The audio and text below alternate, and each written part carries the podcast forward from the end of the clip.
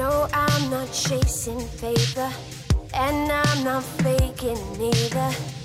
Take me higher, or this will expire.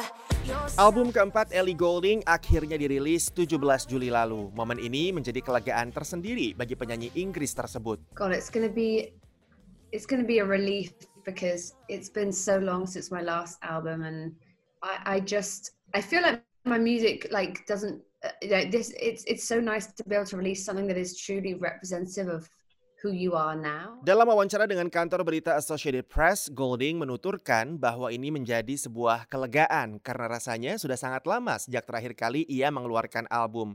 Rasanya sangat menyenangkan bisa merilis sesuatu yang benar-benar mewakili jati dirinya sekarang. Album bertajuk Brightest Blue itu menampilkan sejumlah lagu dengan lirik-lirik yang sangat pribadi bagi Golding yang kini menginjak usia 33 tahun. Dalam lagu berjudul Flux, di mana suaranya terdengar rapuh sekaligus percaya diri, ia melantunkan lirik Aku mencuri diriku sendiri untuk melengkapimu.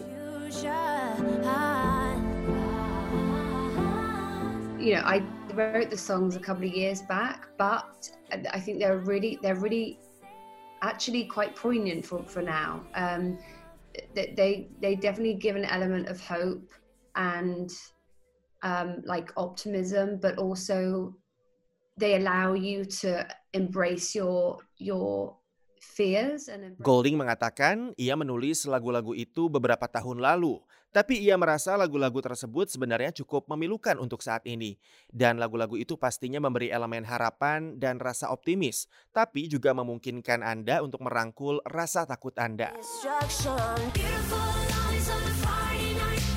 Golding yang menikah tahun lalu mulai merekam album itu setelah melalui sejumlah perubahan besar dalam hidupnya. Selain menikah, ia juga pindah manajemen dan pindah ke New York, Amerika Serikat. Brightest Blue merupakan sebuah album ganda di mana paruh kedua album itu yang dinamai EG0 menampilkan lima lagu, termasuk sejumlah kolaborasi yang beberapa di antaranya sudah meraih platinum. Di antaranya Worry About Me bersama Black Bear, Slow Grenade dengan Love, serta Close to Me bersama Diplo dan Sway Lee. Rifan Dwi Astono, VOA.